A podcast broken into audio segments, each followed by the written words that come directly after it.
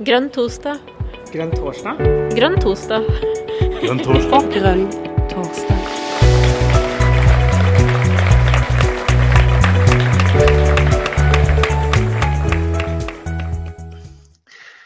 Og da sier jeg velkommen til Grønn torsdag. Og da skal vi snakke om et spennende tema, Jonas. Yes, det skal vi. Eh, Vi fortsetter eh, med debatt om utkastet til det nye stortingsprogrammet. Og i dag så handler det om den åpne innstillinga i spørsmålet om eh, sexkjøpsloven. Og da er vi så heldige å ha fått med oss Prosenteret i Oslo til å innlede til vår diskusjon. Og vi skal straks gå i gang med å spille av den innledninga som vi har fått tilsendt. Vi har også med oss leder av Prosenteret, Bjørg Nordli Live. Eh, Så da blir det nok mulig også å stille noen oppfølgingsspørsmål eh, etter den innledende videoen. Så håper vi på en god saklig diskusjon, og så ber vi om at man bruker enten raise hand-funksjonen eller skriver navnet sitt i chatten for å tegne seg. Så skal jeg og Jon lede diskusjonen etter beste evne. Så da tror jeg egentlig at vi bare setter i gang med den videoen. Jeg heter eh, Bjørg Nordli og er leder på Prosenteret. Hei, jeg heter Ulla Bjørndal, og jeg er spesialkonsulent på Prosenteret. Prosenteret er eh, et nasjonalt kompetansesenter innen prostitusjon. Har vært det siden 1993. Og er Oslo kommunes tjenestetilbud til personer som selger eller bytter seksuelle tjenester. Har vært det siden 1983. Så her kommer folk ut og inn hver dag eh, som selger og bytter sex.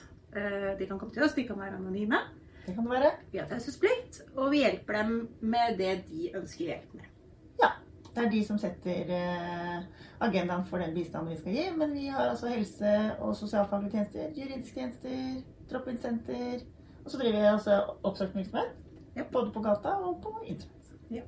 Og som kompetan- kompetansesenter så får vi også ofte henvendelser fra folk som ønsker å lære mer om prostitusjon. Og, og nå har vi jo fått en henvendelse fra dere i Miljøpartiet De Grønne. eh, som har en diskusjon eh, som dreier seg om sexkjøpsloven, og hva man skal mene om det i det nye partiprogrammet. Eh, og da tenkte vi at vi skulle si litt om hvordan vi ser situasjonen her i Norge.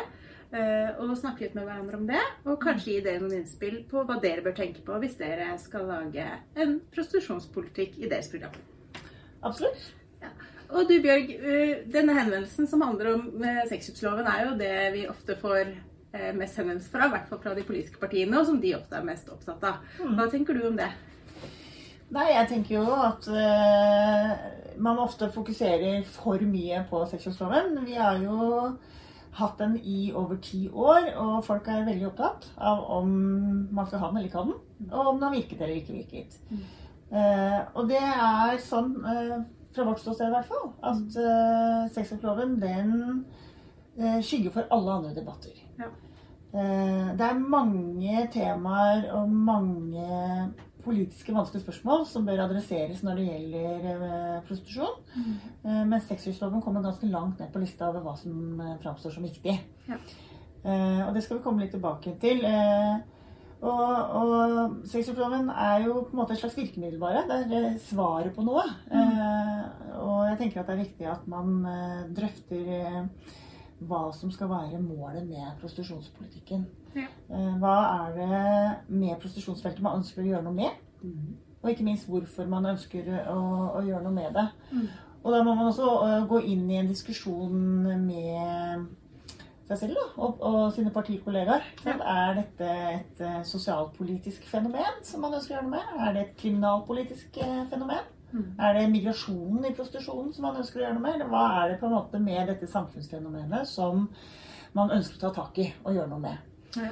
Eh, og da er det jo rett og slett sånn at man må definere hva man ønsker å oppnå. Da. Hva er målet? Ja. Og når man har gjort det, da Da kan kan man komme tilbake til virkemidlene. Ja.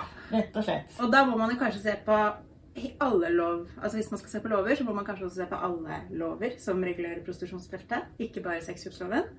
Eh, og så er det jo kanskje viktig å tenke på hva er de dette handler om? Hvordan er dette, hva er det som er viktigst for de? Eh, og vi kan jo si at eh, henvendelser vi får fra våre brukere her, så er det jo veldig sjelden noen egentlig spør oss så mye om sexkjøpsloven. Det er ikke det brukerne er opptatt av. Overhodet ikke. Og det er jo nettopp det som gjør at vi av og til eh, prøver å legge liksom sexkjøpsloven litt død. Ja. Eh, nettopp som jeg sa tidligere, fordi den, den skygger jo for de reelle utfordringene som veldig mange som selger seksuelle tjenester har. Så har jo også sexkjøpsloven noen eh, utfordringer, eh, men det er jo i hovedsak bestemmelser på utlendingsfeltet. Eh, Som skaper store utfordringer for personer som selger seksuelle tjenester. eh, Og eh, alt det som er knytta til formaliteter rundt om man skal betale skatt, skal man ikke betale skatt. Kan man selge sex fra der man bor, kan man ikke selge sex fra man bor? Da kommer man ut på hallikbestemmelsene. Så alle disse tingene må man er ting som vi får mye spørsmål om, og som er i folks bevissthet i veldig stor grad. Så tenker jeg at når man som et politisk parti da, skal ta noen standpunkter her, så er man jo også nødt til å gå inn eh, og se på er det, er det for er det for samfunnets del vi skal lage politikk? Er det samfunnet vårt som skal på en måte endres eller eh, eh, skånes for noe eller beskyttes for noe? Eller er det de enkeltpersonene som eh, selger seksuelle tjenester vi ønsker å oppnå i forhold til? Ja, ikke sant. Eh, og begge disse to tingene må man jo ha i huet samtidig, da. Ja.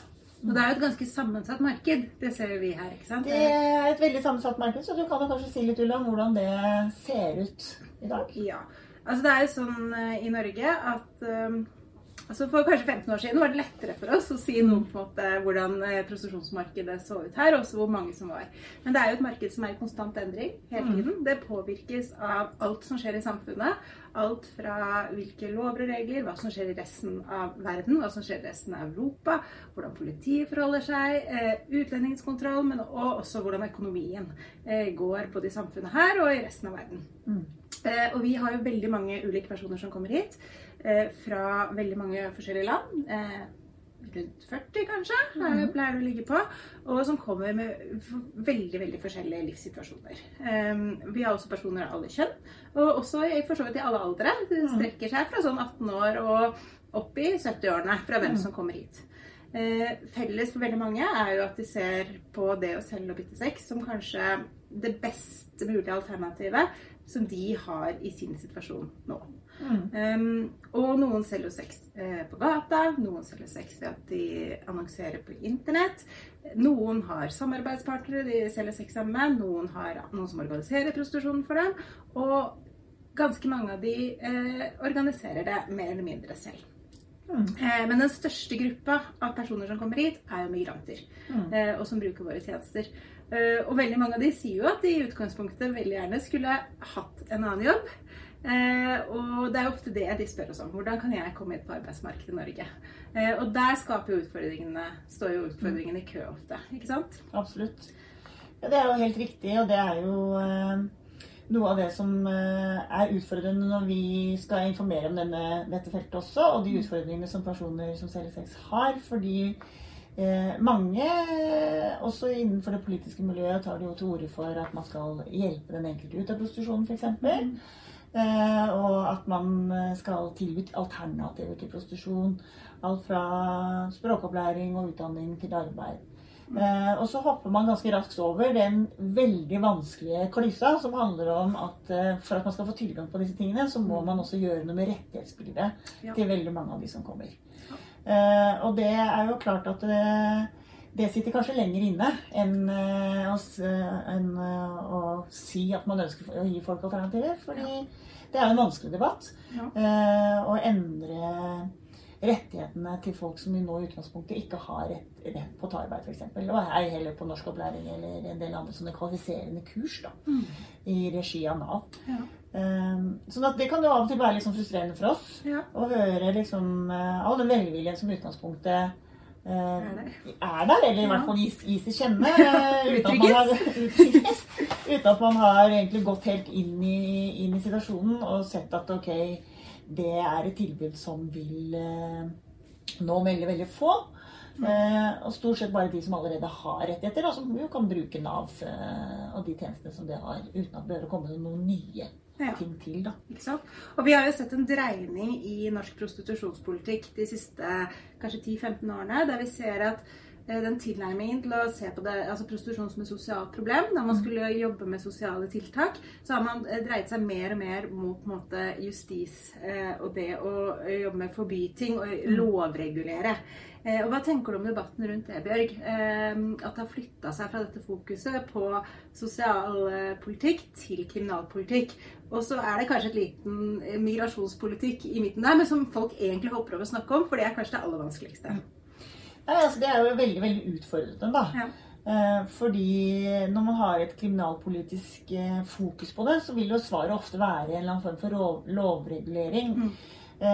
Og det er klart at Eh, de fleste av oss vet jo at det er vanskelig å, å regulere seg bort fra den, eh, de, de, grunnleggende behovene som folk har. da. Eh, sånn at hvis du ikke har andre alternativer eller bedre alternativer enn det å selge seksuelle tjenester. Enten i Norge eller der hvor du måtte komme fra, så, så hjelper det ikke hvor mye vi sier at det med, med loven om ikke er bra da, for Nei. deg. Nei. Uh, og så får man jo et veldig sånn sterkt rett, en slags rettsliggjøring av politifokus på, på, noe som egentlig i utgangspunktet er et, eh, et, en utfordring for oss som samfunn. Da, for å ivareta enkeltpersoner. Ja. Og så en forpliktelse som vi også har som samfunn, å ivareta de personene som, som trenger det. Ja. og ikke liksom sende politiet på dem. Ja. Eh, fordi det for oss oppleves som ubehagelig da. Og det er det, det brytningspunktet vi, som har vært med lenge i dette gamet, som både du og jeg har vært. Ja. Det er i mange år.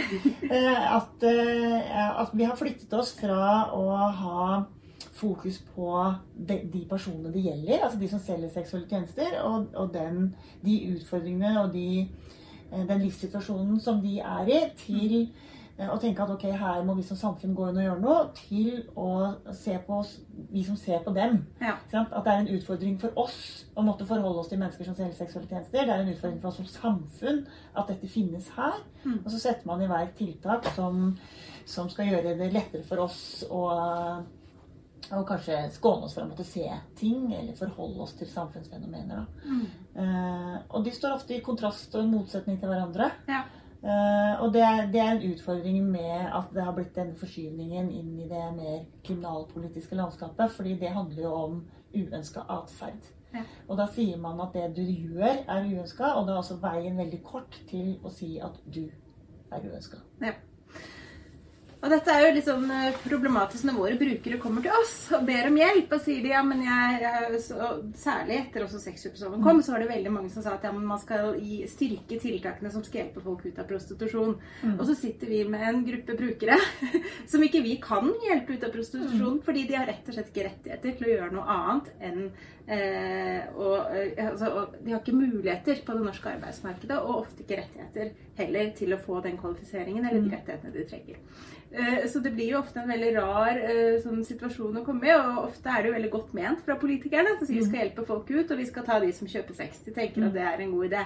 Men hvis man eh, som et politisk parti skal ta et skritt tilbake da, og tenke litt hvordan kan man faktisk gjøre noe med dette feltet på en måte som kanskje har mer disse brukerne i fokus, de mm. folka som faktisk er i, som selger sex, og som er i en situasjon der de også kanskje enten ønsker å fortsette med det, men på best mulig måte ta minst mulig skade av det, eller har lyst til å slutte. Hva tenker du er lurt å tenke på da i, når vi skal rådgive disse politikerne? Ja, jeg tenker jo først og fremst at uh, man er nødt til å ha et slags kunnskapsgrunnlag. da. Ja. Ikke sant? Altså... Man må lage politikk ut fra kunnskap, og ikke bare fra hva man liksom eh, sånn ideologisk eller følelsesmessig tenker er riktig. Mm. Eh, og det er jo klart at eh, alle politiske partier har et eh, verdigrunnlag. Mm. Da må man gå tilbake der, da, så må man tappe inn i det og tenke ok, med disse grunnleggende verdiene som er viktige for oss, da, som for Miljøpartiet De Grønne i denne situasjonen, mm. hvordan eh, Hva er det vi trenger for å kunne utforme vår politikk på best mulig måte. Um, og det er jo klart at eh, det, det, er utfordrende sånn som situasjonen på prostitusjonsfeltet er i dag, fordi det har aldri vært noe enhetlig politikk på prostitusjonsfeltet i Norge. Uh, og det bærer hele situasjonen veldig preg av. At man ser at de utfordringene som poppet opp på et eller annet tidspunkt, de har man forsøkt å løse veldig raskt og ad hoc med ulike bestemmelser. Uh, sånn at eh, det, vi ser at det er veldig lite konsistent, og at enkelte innsatser på prostitusjonsfeltet som er politisk besluttet, slår de andre innsatser i hjel. Ja. Eh, og så har man liksom bare mm, skuffa unna etter hvert som de ulike problemstillingene har poppet opp. Mm. Og så har det jo vært, eh, var det for en tid tilbake et ønske om å etter at man evaluerte sexkjøpsloven i sin tid, at man skulle eh, få en utredning av en stortingsmelding. Og den, den var jo for så vidt også så vidt i gang. Eh, og så ble den av ulike grunner eh, skrinlagt. Og det er en ting som vi eh, ønsker å fortsette å holde litt sånn høyt, den fanen. At Mm. vi trenger i Norge i dag, før vi liksom går inn og, og mikker noe mer på dette feltet, enten det nå er med sosialpolitiske eller kriminalpolitiske virkemidler, Ja. så bør man ha en enhetlig retning. Ja. Og det tenker jeg at det Skal man lage prostitusjonspolitikk i dag fra et partipolitisk ståsted, så vil det være å sørge for at den kunnskapsbasen, da, plattformen, kom på plass. Ja. Eh, Og at man, kunne, at man må begynne der. Ja. Vi har ikke noe hastverk. Sånn sett. Det er ingenting som må skje nå. Eh, Det, dessverre kan man vel bare si at prostitusjonen har vært med oss lenge, og den kommer til å være det i lang tid framover også. Sånn at det, det siste vi egentlig trenger nå, er at man eh, liksom rocker ut og tenker at nå må det skje eller det skje, Ja. som er sånn enkeltstående tiltak som egentlig rammer eller treffer veldig få. Ja. Og som er mer en slags symbolpolitikk da, for at man tenker at eh, nå skal vi gjøre dette her, og vi skal synliggjøre at vi Mm. mener det ene eller det andre, uten at det egentlig har rot i et godt kunnskapsgrunnlag. Ja. Så det, det tenker jeg er eh, superviktig. Og, og liksom trekke pusten litt, puste med magen og tenke at ok, hva er det vi egentlig vil oppnå? Ja. Eh, Og hva trenger vi av kunnskap og informasjon? Og hva trenger Norge, da? Ja. Vi som samfunn. eh, eh, kunnskap og informasjon om for at dette skal både bli bra for oss Mhm. og for de som selger og bytter seksuelle tjenester. Ja. Og det tenker jeg det er viktig å, å ha med seg. Og så er det mange jeg tenker også det er viktig å si at det, Sexkjøpsloven er et element av det. Og det er, har stor politisk symbol, symbolverdi for mange, og også en verdi som et virkemiddel for en del. Um, men det er viktig å si at de som jobber på prostitusjonsfeltet, det, og og som har vært her i de 10-12 årene som har gått etter at uh, sexloven ble innført, uh, er veldig lite opptatt av den Ja. loven. Ja. Uh, og det er veldig Jeg eh, kan ikke huske sist vi diskuterte den i et forum da bare vi fagfolk kan møtes. Nei. Når vi møtes et par ganger i halvåret eh, og diskuterer hva skjer på prostitusjonsfeltet nå, og hvor er det liksom skoen trykker, så snakker vi aldri om sexkjøpsloven. Nei, vi snakker ikke om sexkjøpsloven. Det er eh, også fordi det er et veldig et virkemiddel med veldig lite gjennomslagskraft. da. Ja. Eh, og så er det helt riktig at ulike organisasjoner har litt sånn ulike meninger om sektorloven som sådan. Men det lever vi veldig veldig godt med, og så jobber vi jo i fellesskap mot de tinga som faktisk betyr noe. Ja. Og det er jo hvordan disse menneskene blir sett og, og møtt, Mm. og ikke minst eh, eh, behandlet i samfunnet vårt, og de samfunnsinstitusjonene som møter dem på veien, enten det nå er eh, helse- og sosialfaglige eller politiet for den saks skyld. Ja. Det er det som har, er eh, av betydning, og at man, de som er i eh, i prostitusjon skal få sine grunnleggende rettigheter ivaretatt. Mm. eh, uavhengig av hva vi- hva vi måtte mene om de som kjøper tjenestene deres. Ja. Eller hva vi skal gjøre med dem. For Hvis disse to tingene overskygger hverandre i veldig stor grad, som vi snakket om litt innledningsvis. da. Ja, og hvis man også skal se på, mene noe om sexkjøpsloven, da tenker vi vel også at da bør man kanskje også se på hele lovverket. For det er jo veldig mange flere lover enn bare sexkjøpsloven som påvirker prostitusjonsfeltet. Eh, Hallikparagrafen har jo vært mye diskutert. Eh, den gjør jo bl.a. at vi har eh, hatt saker i Norge der to personer har solgt sex eh, som likeverdig partner, leid en leilighet sammen fordi de har prøvd å ivareta sikkerheten sin. De har delt på husleia, holdt sammen, men likevel så er den ene blitt dømt for hallikparagrafen for å ha organisert andres prostitusjon fordi navnet deres bare står på husleiekontrakten. Mm. Selv om begge parter sa i retten vi var helt likeverdige, vi betalte det ikke mye, og vi prøvde å hjelpe hverandre. Mm. Så det er jo mange ting her også, ikke sant? knytta til skatt, knytta til eh, og hvordan de forskjellige lovverkene er, altså, lovene er laget, som Mm. gjør at det er veldig vanskelig å forklare de som selger sex i Norge også, hva norsk prostitusjonspolitikk er. Absolutt. Og både politikken og retningen, men også helt ned i konkrete situasjoner. Ja. Og det er jo, det er jo utfordrende. Hallikparagrafen er en del av det. sant? Fordi vi må aldri glemme at det faktisk er lov å selge seksuelle tjenester i Norge. da. Ikke forbudt. Det er ikke forbudt. Og, og litt uenigheter om man skal betale moms. De fleste er vel enige om at man egentlig skal betale skatt. Men det er jo helt umulig å finne noe informasjon. Vi som samfunn vi har iverksatt en rekke regelverk eh, og, som, som uh, påvirker de som selger seksuelle tjenester. Men vi har, gir i veldig liten grad informasjon, sånn at de som skal informere om moms og skatt, gjør sjelden det. Uh, og det gjør det vanskelig å orientere seg. Og, og det er jo klart at eh, vi ser jo også at det er et lappverk av det som jo på en måte var en god tanke eller en god intuisjon, sånn som verden var i 1985, trenger ikke nødvendigvis å være det i 2020. Nei. Fordi verden er uh, gått videre, da. Og, og det hadde vi veldig gode eksempler på nå midt under uh, koronatiden, ikke sant? hvor det ble forbudt å selge seksuelle tjenester. Og man går inn og, og, og tenker at nå må alle ta ned sine annonser på innemarkedet f.eks. Og har jo da ikke tenkt på at det faktisk går an å selge seksuelle tjenester eh, uten å møte fysisk. Nei.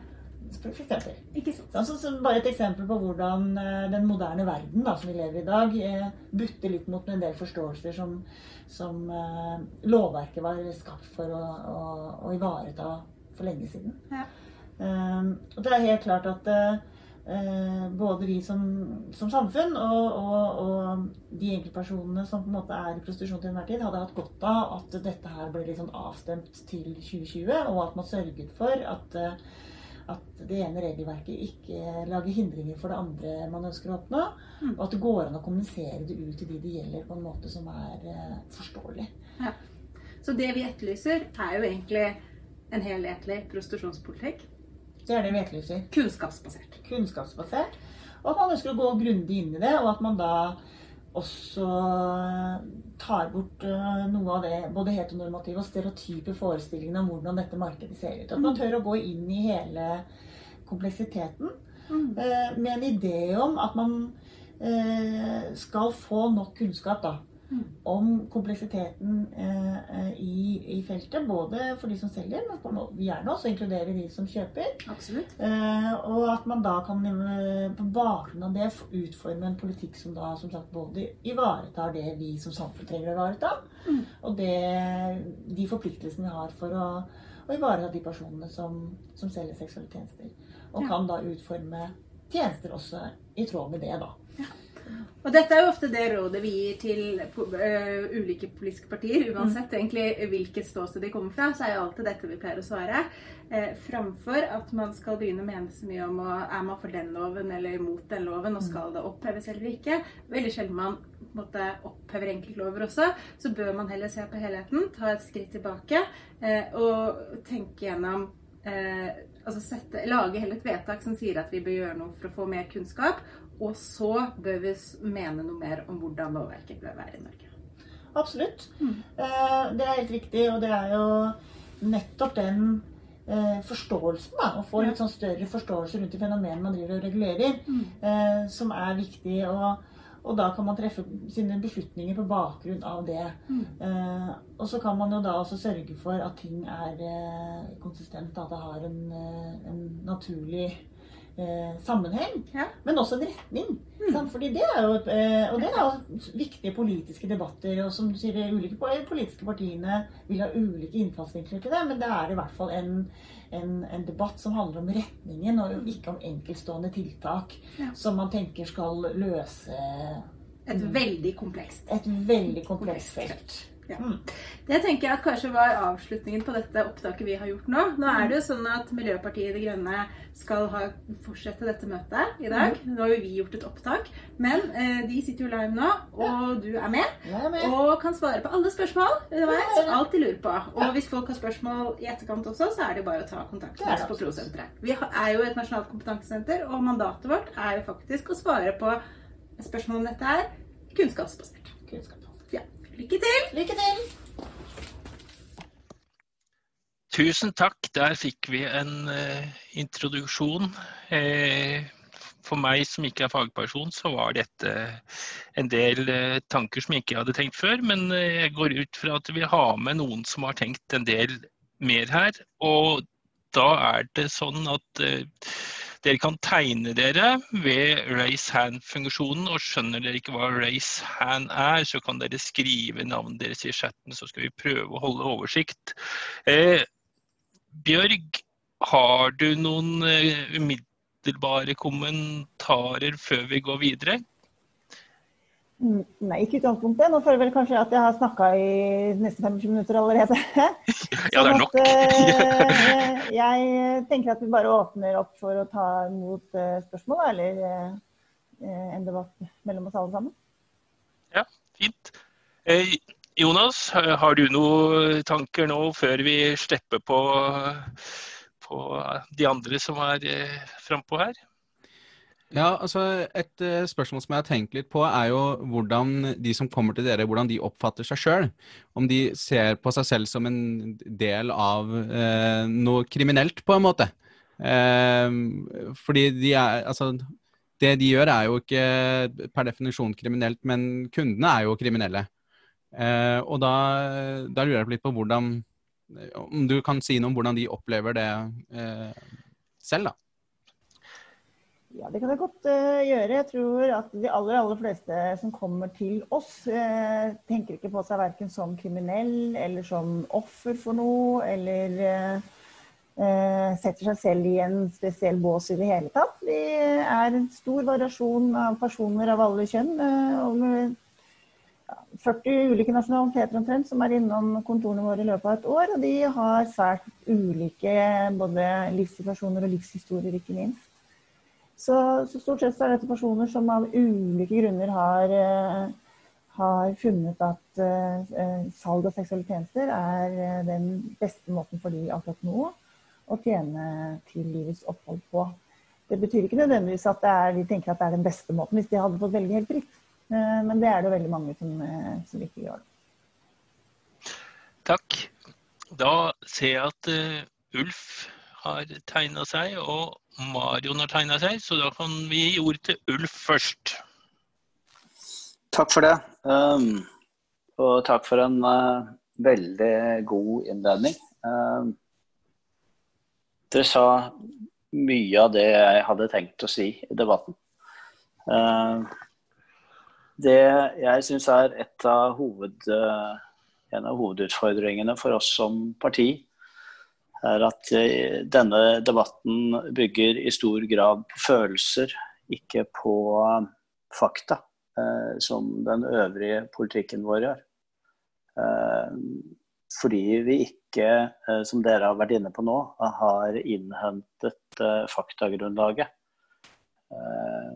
Vi går i politikken vår rett på sexkjøpsloven. Så er jeg litt uenig i viktigheten av den. For det, uh, jeg syns den blokkerer mye av debatten, sånn som dere også sier uh, at den gjør. og Derfor så syns jeg den er viktig, for da kommer vi ikke til det sosialpolitiske. Eh, jeg tror også mye av debatten ønsker, eh, går på at vi ønsker å skåne oss selv fra å se folk i prostitusjon. Eh, perioden vi hadde med mange prostituerte på Karl Johan, vekka mye følelser hos mange. Og behovet for å gjøre noe dukka opp. Eh, og så fikk vi da sexkjøpsloven, og vi fikk en regulering. Og eh, det ble eh, borte eh, for oss eh, på Karl Johan. Vi så det ikke lenger. Eh, og det forsvant under jorda. og det gjør jo ikke situasjonen noe bedre. Mm. Så tenkte jeg litt Eh, hva handler egentlig dette om for meg? Dere var litt inne på det. Eh, at vi må gå inn i ideologien vår. Det tenker jeg også er riktig. Vi må ned i ideologien vår. Og vi har tre solidaritetsprinsipper som hele politikken vår skal bygge på. Eh, et av de solidaritetsprinsippene det er eh, solidaritet med mennesker. Og Så stiller jeg eh, meg spørsmålet da Er den politikken vi har på prostitusjonsområdet, bygger den på solidaritet med de som er i prostitusjon? Eller bygger den på vår vårt ønske om å ikke se prostitusjon, og vårt ønske om å, eh, at det skal forsvinne.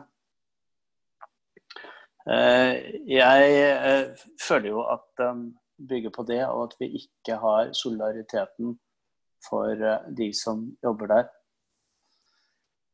Eh, jeg kunne også tenke meg å ta en kort parallell mot diskusjonen vi har hatt på ruspolitikk, som vi har hatt i mange, mange år.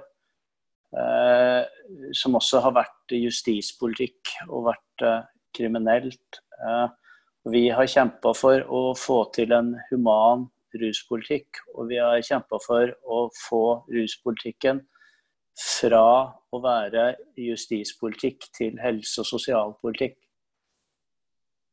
Eh, jeg tenker parallellen her er eh, nokså Eller for meg er parallellen nokså tydelig.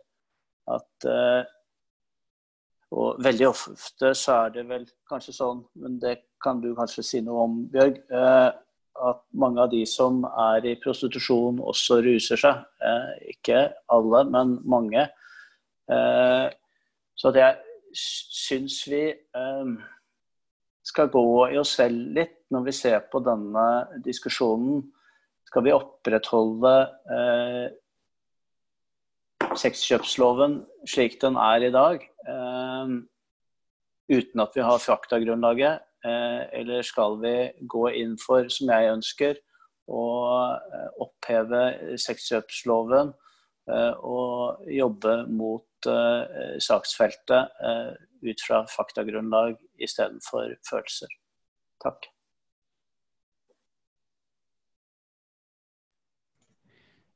Yes, takk. Eh, ønsker du å kommentere det angående rus, Bjørg? Det kan jeg godt gjøre. Det er jo, som vi sa i, i innlegget også, en eh, ganske stor variasjon av personer som selger seksuelle tjenester. Men det er fortsatt en, eh, en Vi har fortsatt besøk av mange norske personer med rusavhengighet. Det som mange vil liksom tenke på var de klassiske personene i gateprostitusjonen for noen år tilbake. Kvinner med initierende rusavhengighet. Eh, de finnes fortsatt. Og så er det jo ikke til å stikke under en stol at det er jo en del som selger og bytter seksuelle tjenester også, som bruker rusmidler mer rekreasjonelt eller sammen med kunder på en uheldig måte, da. Sånn at det er jo Rusomfanget er eh, til tider eh, godt representert i denne populasjonen. Men det er også selvfølgelig personer som ikke bruker rusmidler, da, som har andre, andre utfordringer. Ellers så tenker jeg jo at eh, Jeg er jo ikke politiker selv, eh, jeg er jo offentlig ansatt, men eh, jeg vet jo at dette feltet, og mange andre felt også, er en herlig blanding av det å skulle liksom eh, gå ut med følelsen først, eller prøve å innhente liksom, fakta da, eller kunnskap Um, og politikk vil vel utformes i, det, i tverrsnitt av begge deler, fordi man har jo noen som du sier, noen verdi, grunnleggende verdier som er styre, styrende da, for uh, hvordan man ser på politikkutformingen i det store og det hele. Men jeg tror jo at uh, Eller tror jeg, min erfaring er i hvert fall etter uh, eh, 20 år i dette feltet at veldig ofte så kommer man ut med følelsene først når det gjelder eh, sex. Fordi det vekker mye følelser i, i oss, og det er helt greit. Eh, og det er jo på ingen måte eh, en situasjon som er spesielt rosenrød for de, den store store majoriteten av de som selger seksuelle tjenester. Eh, men noen ganger så må man også liksom tåle det. da, og Som eh, gammel sosialarbeider så har jeg kanskje blitt hardhuda, men jeg har jo erfart da, gjennom veldig veldig mange år at det å liksom jump to the guns. Det løser veldig sjelden eh, et komplekst problem. Verken på individnivå eller på samfunnsnivå. Sånn at det finnes ikke noe quick fix på, på dette feltet. Heller, heller, ikke på dette feltet, men sannsynligvis ikke på så veldig mange andre felt heller. Men, men jeg tror det viktigste man, man, dere gjør, da, er at dere må hente opp det verdigrunnlaget deres. Dere er nødt til å gå inn der og så må dere tenke hva er det vi, er det vi vil, da? Jeg har sett eh, programutkastet deres, og jeg ser at det er det, det, det som handler om sexkjøpsloven. Og så var det ett punkt hvis jeg ikke husker helt feil, som var sånn skal gi penger til organisasjoner som vil hjelpe folk ut av prostitusjonen. Og da er dere nødt til å tenke gjennom ja, eh, hvem er de folka dere kan hjelpe ut, og hva skal dere hjelpe dem ut til. For veldig veldig mange så vil det bety at dere hjelper dem bare rett ut av Norge, om noe. Eller rett ut i et liv helt uten eh, at noen på en måte klarer å å, å følge dem opp. da. Fordi Sånn er dessverre situasjonen. da, at, eh, at, eh, det er en stor migrasjonspopulasjon inn i dette her. Og selv om mange av de kommer fra EU-land, så er det veldig få som er i en posisjon i sine egne hjemland at de kommer ferdig hit med et Helfo-kort i lomma. på en måte. Og de har ikke den kompetansen og de kvalifikasjonene som trengs for å kunne entre et norsk arbeidsmarked eller eh, på noe særlig god måte. Vi ser jo dessverre at vi får overlapper mellom både utnytting av arbeid i tillegg til sexsalg f.eks. Så det er, enten man vil eller ikke, er det et ekstremt komplekst felt som rører ved mange andre vanskelige politikkfelt. Da. Eh, og Derfor så tror jeg også at det er veldig raskt å ty til sexyloven, fordi den er jo en sterk symbolpolitisk altså, Den har en sterk eh, symbolpolitikk for mange, og det virker som han er ekstremt handlekraftig. Liksom, liksom, nå har vi tatt et standpunkt. Men det er veldig lite standpunkt i den sexkjøpsloven. Eh, fordi det er jo et virkemiddel som knapt nok løser noe som helst for noen.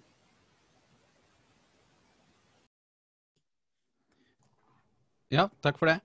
Eh, jeg oppfatter jo den diskusjonen her. Jeg ser også den parallellen til ruspolitikken. Og ofte så trekker vi jo fram Sorry, jeg trodde det var min tur. Ja, du får ordet hvert øyeblikk. eh, om eh, dette med skadereduksjon. Eh, det tenker jeg at vil være en naturlig måte, et sted å starte for eh, De grønne. Da, Marionta, skal du få ordet. Vær så god. Bra. Jeg beklager at jeg kom litt seint på. Jeg var eh, i en, eh, et programverksted hos Ås MDG. Jeg heter Marion Godegger Tveter. Jeg sitter i programkomiteen og har først og fremst ansvar for utenrikspolitikken der. Og også jobba litt med justispolitikken. Eh, jeg har tidligere, Nå jobber jeg med menneskerettigheter på fulltid. Tidligere så har jeg jobba i Politidirektoratet eh, med internasjonalt samarbeid mot menneskehandel. Og har også, så vidt, vært, så vidt jeg har vært utplassert i Oslo-politiet gjennom den jobben. Og møtt og forholdt meg til den delen av de prostituerte som kanskje knapt vet at prosenteret finnes. Og på ingen måte er der fordi det er det de har aller mest lyst til. Eh, og så syns jeg det Takk for en veldig interessant innledning. Jeg syns det var eh, mye som det går an å være enig i. Eh, og veldig glad for at du sa det at selv om de på ingen måte ser på seg selv som offer, så er det ikke nødvendigvis sånn at det er det de ville valgt hvis de valgte fritt. Og for meg så er det det er det som er verdiutgangspunktet. At vi må anerkjenne at veldig mange folk eh, i verden utenfor Norge har et helt annet utgangspunkt for å ta livsvalg enn det vi har. Eh, og Norge er i en situasjon der eh, folk her til lands har enormt mye mer penger eh, i sin private lommebok enn mange ellers i verden. Og det skaper en skjev maktdynamikk mellom eh, rike menn i Norge og fattige damer fra andre land, som, som gjør det mulig, eh, og som gjør oss attraktivt som sexmarked. Og så tenker jeg derfor at eh, sexkjøpsloven er eh, på ingen måte noen endelig løsning eller noen fullverdig løsning eller, eh, eller, det som skal få slutt på urettferdighet og utnyttelse alene. Eh, men min motivasjon for å være for sexkjøpsloven er at den begrenser lidelsen. At det blir mindre av det. Og at det er en, et verdivalg som sier at det, eh, så mange av dem som gjør det, eh, gjør det fordi de ikke har så veldig mange de har et sett av gode alternativer. En del av dem som er i prostitusjonen, har det helt forferdelig. Mange har rusproblemer. Og det å både forby kjøp eh, og tillate salg, har jeg eh, kommet fram til at det er den beste måten å forholde meg til det på.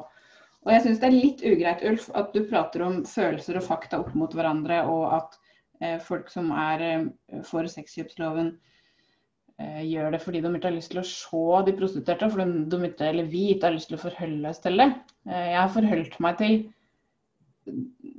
folk som lever i prostitusjon og sett dem i øynene og sett at de ikke har det noe bra. Eh, så finnes det folk som har et helt annet utgangspunkt for å være i prostitusjon, og det finnes folk som har det mindre ille enn de jeg har forholdt meg til. Eh, men eh, den lidelsen som jeg har møtt, er såpass heftig at den eh, Det handler om at jeg vil at folk skal slippe å ha det sånn. At jeg er for sexkjøpsloven. Og så har jeg skal jeg prøve å formulere et spørsmål til Bjørg som du ikke allerede har svart på. for I din forrige kommentar så sa du litt om det. For jeg sitter jo da i programkomiteen. Og vi eh, skal utover høsten jobbe med endringer i førsteutkastet og prøve å lage et enda bedre andreutkast.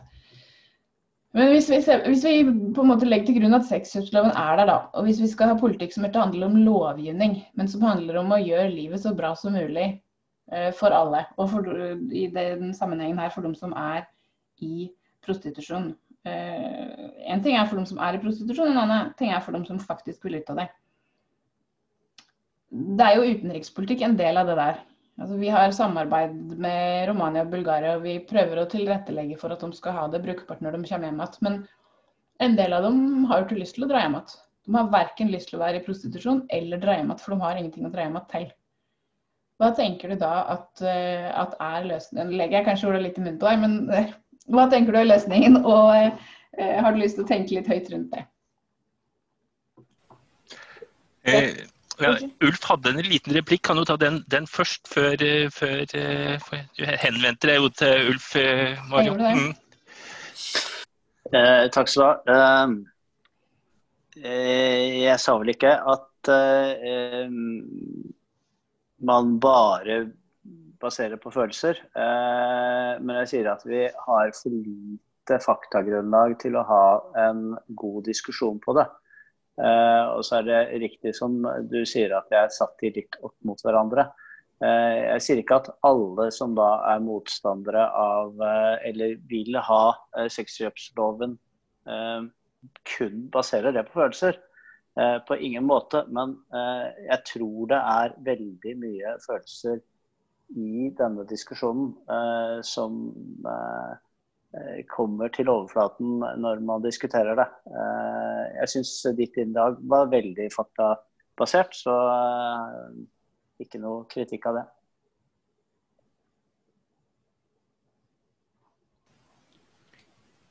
Skal jeg si noe? Vær så god. Takk. Altså, jeg tenker, ja, det er masse følelser. Og det er, det er som jeg sa i stad, et, tema som vekker masse følelser for folk, og det må man bare observere. Og så tenker jeg det er viktig å ikke prøve å demonisere hverandre. Det er veldig steile fronter når det gjelder denne sexloven, og det har jeg levd med i, siden 2009. Og, um, det som kanskje frustrerer meg, eller som engasjerer meg, kanskje, er at uh, jeg hører så ofte at den lovbestemmelsen tas til inntekt for å være et hjelpemiddel for både dette og hint. Enten det nå er ofre for menneskehandel eller for folk ut av prostitusjon, eller at vi har et virkemiddel som vi kan gå til politiet med, eller whatever not, da. Og det er en, alle de årene som den har eksistert, eh, så er det svært få eh, som jeg snakker med som eh, har en opplevelse at det er sånn. Det finnes ikke noe dokumentasjon på at har reduserer markedet, eller at det har en, en, avskrekkende effekt for folk som driver med organisert kriminell virksomhet. De bryr seg katta om sexkjøpsloven i Norge. Ehm, og det er eh, heller ikke en lov som de som selger eh, seksuelle tjenester er spesielt opptatt av. Veldig mange av de som kommer til hos oss, de vet ikke engang at den finnes. Eh, fordi det er jo en lov som også brukes og iverksettes veldig lite. Og den har ikke veldig stor gjennomslagskraft hvis man ønsker å gjøre noe på prostitusjonsfeltet som en helhet. Den, ja, det er, noe, det er, noen kunder som blir bøtelagt. da, eh, og Så skaper den sånn negative effekter for de som selger seksuelle tjenester. Skaper mer stress i, i salgssituasjonen og en del sånne type ting.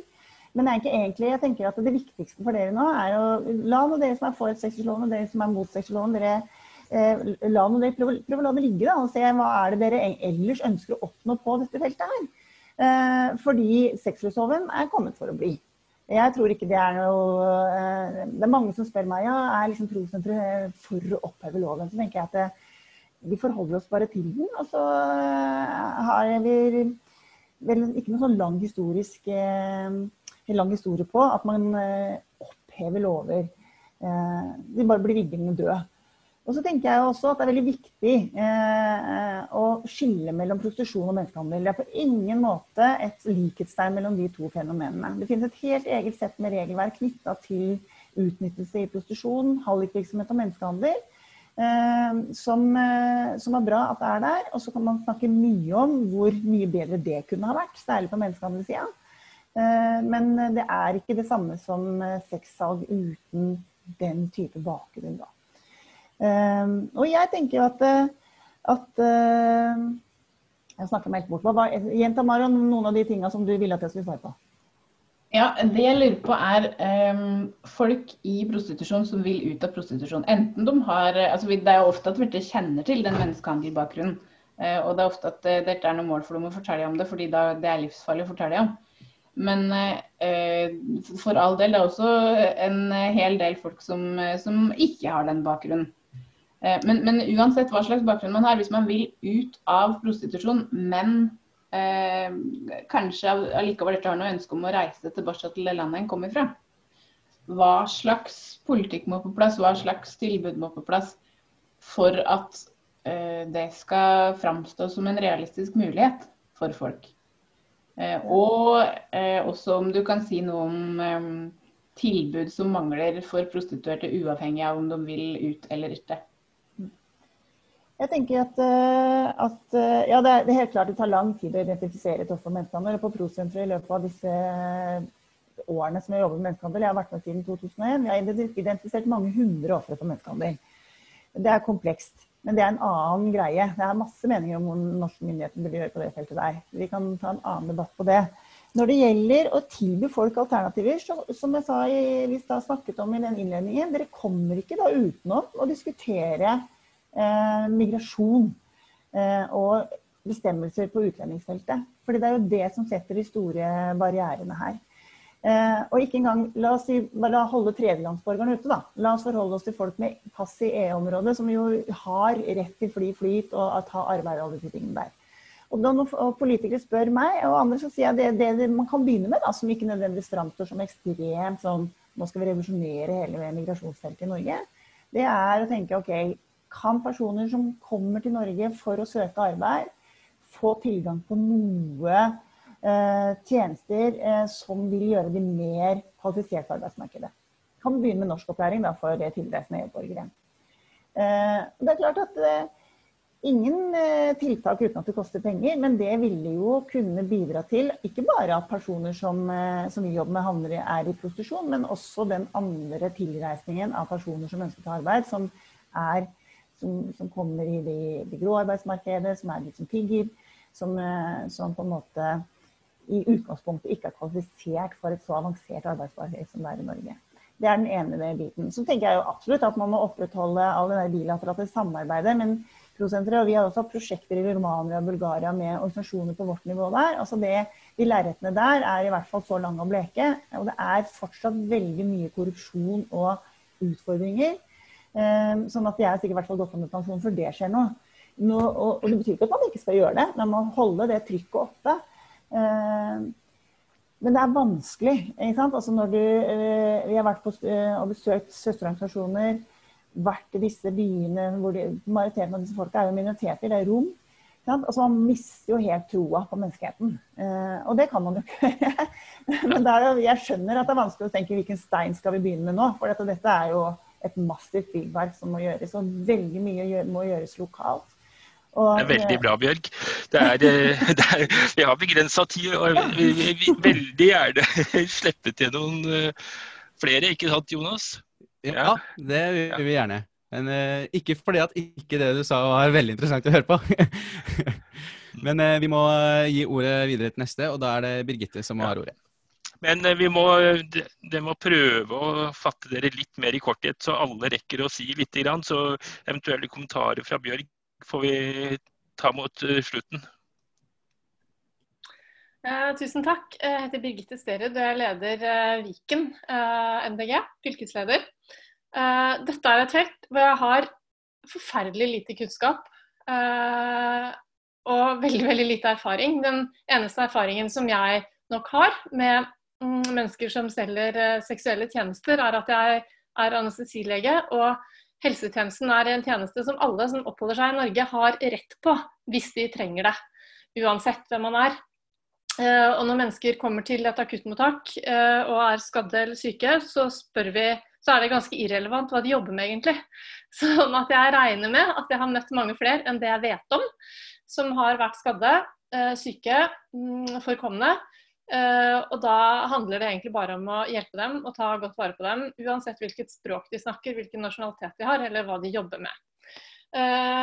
Så og så har jeg lyst til å si tusen takk til Marian, for jeg syns du hadde veldig, veldig, bra innspill som også var lærerikt. Og det er selvfølgelig Bjørg også. Det, um, den videosnutten fra dere først, den var for meg veldig nyttig og veldig lærerik. Og så vil jeg også bare si at um, når vi diskuterer dette, så bør vi snakke på egne vegne, og ikke si vi og oss. Og late som om vi snakker om hele MDG. Uh, fordi MDG er veldig mangfoldig. Og vi har mennesker, sånne som meg, med fryktelig lite kunnskap. Og så har vi andre, eh, som Marion og Ulf, som har mye kunnskap. Men det gir ikke den enkelte rett til å si at vi snakker om dette ut ifra følelser osv. Og, så og jeg skal si litt om hvordan hjernen vår fungerer, for det er ganske viktig å anerkjenne at man kan mene noe, og man kan uttrykke seg følelsesmessig sterkt, men det betyr ikke at vi har tenkt med følelsene våre. Det betyr ikke at vi ikke kan tenke logisk, at vi ikke kan tenke abstrakt, og at vi ikke kan ha et langt logisk resonnement bak det vi sier. Fordi det som eh, selvfølgelig alle vet at seksualitet og eh, skade og når mennesker har det vondt, så berører det oss. Men det er likevel ganske fjernt fra mange av oss. Jeg er forferdelig sjelden på Karl Johan. Så det er ikke sånn at, at jeg merket at det forsvant. Da bodde jeg i Tromsø. Jeg så ingenting. Verken før eller etter at den loven kom på Karl Johan. Jeg så det ikke. Jeg har bodd langt utafor byen. Jeg, jeg kan, det kan sikkert gå måneder mellom hver gang jeg ser noen som jeg skjønner selger seksuelle tjenester. Uh, og jeg, jeg, jeg, kan faktisk ikke med hånden på hjertet si at jeg husket det sist. Så jeg vil bare at vi snakker på vegne av oss selv, og ikke tillegger alle mulige andre som er enige eller uenige med oss, uh, verken følelser eller tanker eller holdninger. Og jeg er veldig opptatt av det som jeg fanget veldig sterkt opp i det innlegget eller den videoen uh, som dere hadde, Bjørg. Og det var og det du sier at sexkjøpsloven er kommet for å bli. Vi må bare forholde oss til den. Men det er nettopp når du sier at vi dytter folk ut i ingenting. De har ikke noen alternativer, de har ingen tjenester, de har ingen rettigheter. Uh, og de oppholder seg i Norge, og mange av dem har det vanskelig. Og da syns jeg det er egentlig mye mer interessant å diskutere hva gjør vi for å hjelpe dem, istedenfor å bruke vanvittig mye energi på å diskutere en lov som, som jeg tror på det de sier det er vanskelig å få fjerna lover. Forholde oss til den, sånn som Prosenter gjør, og se hva kan vi gjøre for disse menneskene. For det er jo, det er jo eh, både systemet og menneskene det handler om. Og hvordan kan vi ta vare på folk? Eh, for vi kan ikke snu situasjonen deres over natten. Eh, men hva kan vi gjøre på sikt? Det syns jeg er eh, det syns jeg er viktig å diskutere. Og det skulle jeg ønske at vi kunne diskutere litt mer nå. Fordi vi ble advart mot å diskutere sexkjøpsloven, og så er det akkurat det vi gjør. Eh, ja. Vi må heller diskutere men, uh, Nå går klokka veldig fort her, Birgitte. Eh, ja, jeg tror jeg var ikke noe særlig lenger enn andre, men det er greit. Nei, men det, det er vår skyld at ikke vi har vært like stramme i starten. Beklager. Ja.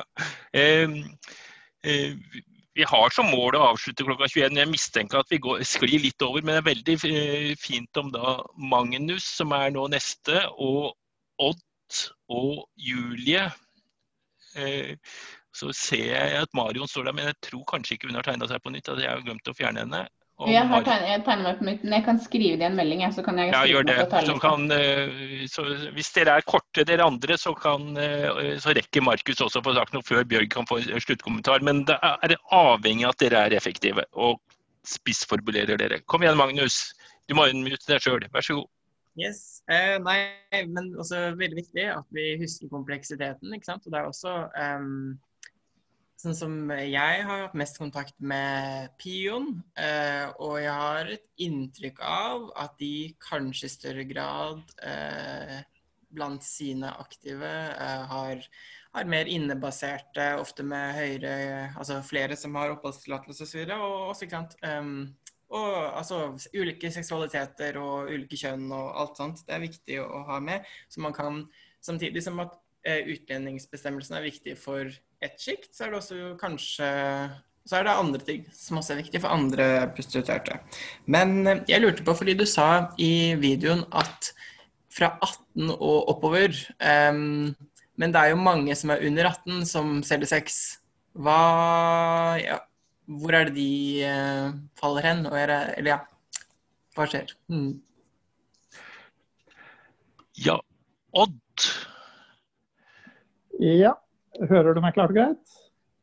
Det gjør vi, sjøl om ja, du er langt av gårde. Ja, ikke sant.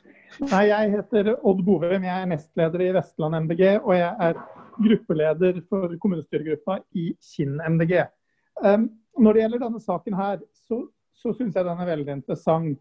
Når vi har en diskusjon, så er det som oftest fordi vi har to meninger. og Da går jeg ut fra at det er noen her som mener at sexkjøploven bør opprettholdes og helst håndheves, og noen som mener at den godt kan oppheves eller fjernes. Personlig er jeg grunnleggende liberal, eh, eh, og jeg er således veldig glad for at det står om liberale verdier i det nye forslaget i program. Det skal dere ha. Eh, Derfor jeg, har jeg betydelig sympati med de som mener at, at forbudet mot kjøp av sex godt kan fjernes. Men det er en problemstilling som ikke har vært adressert så veldig mye, men som jeg tror vi må tenke på. Og det er at Jeg tenker litt på sexkjøpforbudet. Altså Det ble sagt at det er vanskelig å fjerne en lov eller fjerne et forbud. Det er jo både riktig og uriktig. Jeg kan jo nevne at i, På 20-30-åra så hadde vi en periode forbud mot brennevin. Men det ble avskaffet. Men da forbudet mot brennevin ble avskaffet, så lagde man samtidig vinmonopol og svært strenge regler for hvordan man skulle kunne selge alkohol. Og jeg tenker at Det er litt sånn vi må tenke nå også. Hvis vi skal åpne for å fjerne sexkjøploven, som vi kaller det, så uh, må vi tenke på det samtidig. Hva slags systemer skal vi ha rundt det? Uh, og Da tenker jeg bl.a. på ting som arbeidstillatelse. Jeg tenker på en annen problemstilling som ikke har blitt drøftet så mye, Nemlig dette med skatt, moms, avgifter. Eh, F.eks.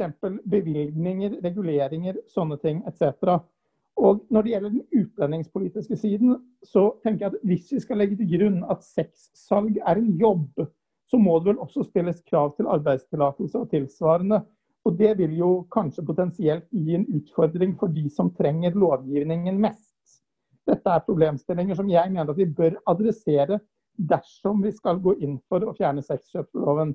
Jeg tror eh, det fortsatt er riktig. og jeg kommer kanskje til å prøve å adressere det til programkomiteen. Men å bare si at vi fjerner sexkjøploven uten å si noe om hvilke refleksjoner vi da har gjort rundt spørsmål om arbeidstillatelse, bevilgninger, skatt, moms etc., det vil være veldig bra. Yes. Takk for uh, gode betraktninger, uh, Odd. Da gir vi ordet videre til Julie. Vær så god. Tusen takk. Eh, og takk for en både veldig god innledning og veldig interessant eh, debatt. Jeg skulle ønske vi hadde minst én eh, time til.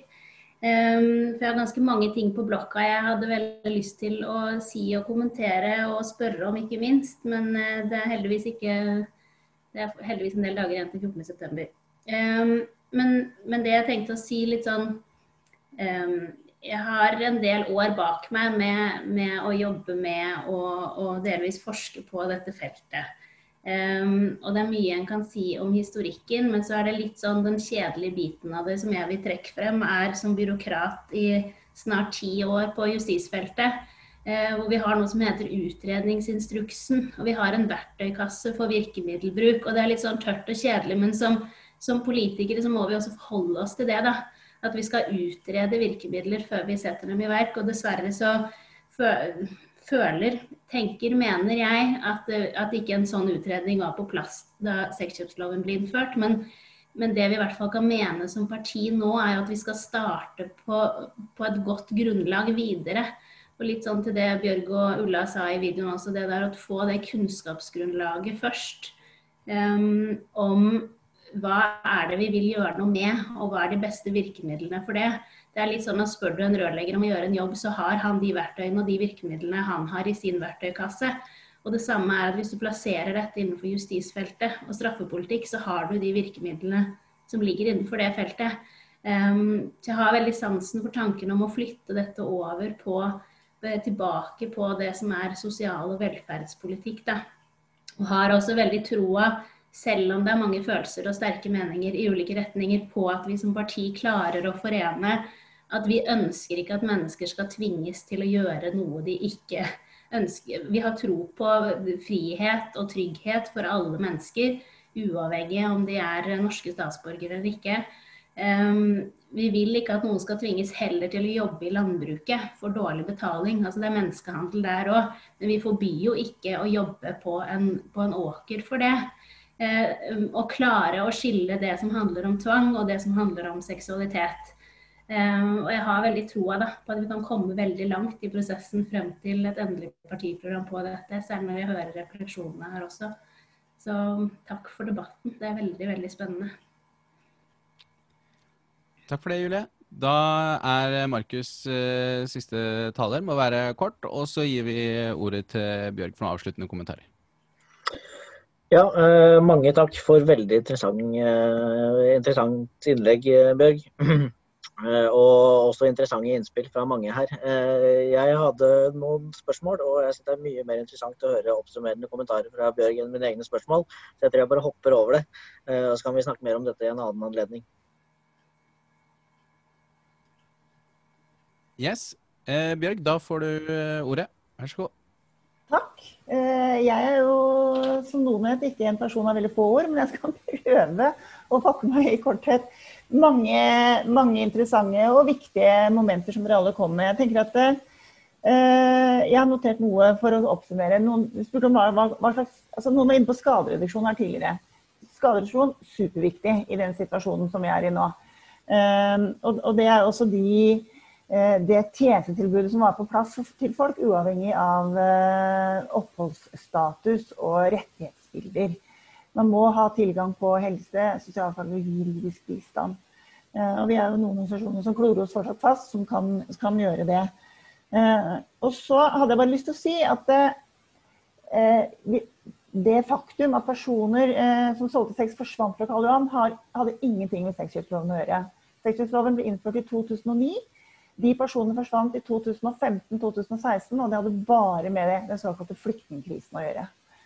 De ble sendt ut av PU og operativ utlending. Det hadde ingenting med sexkjøpsloven å gjøre.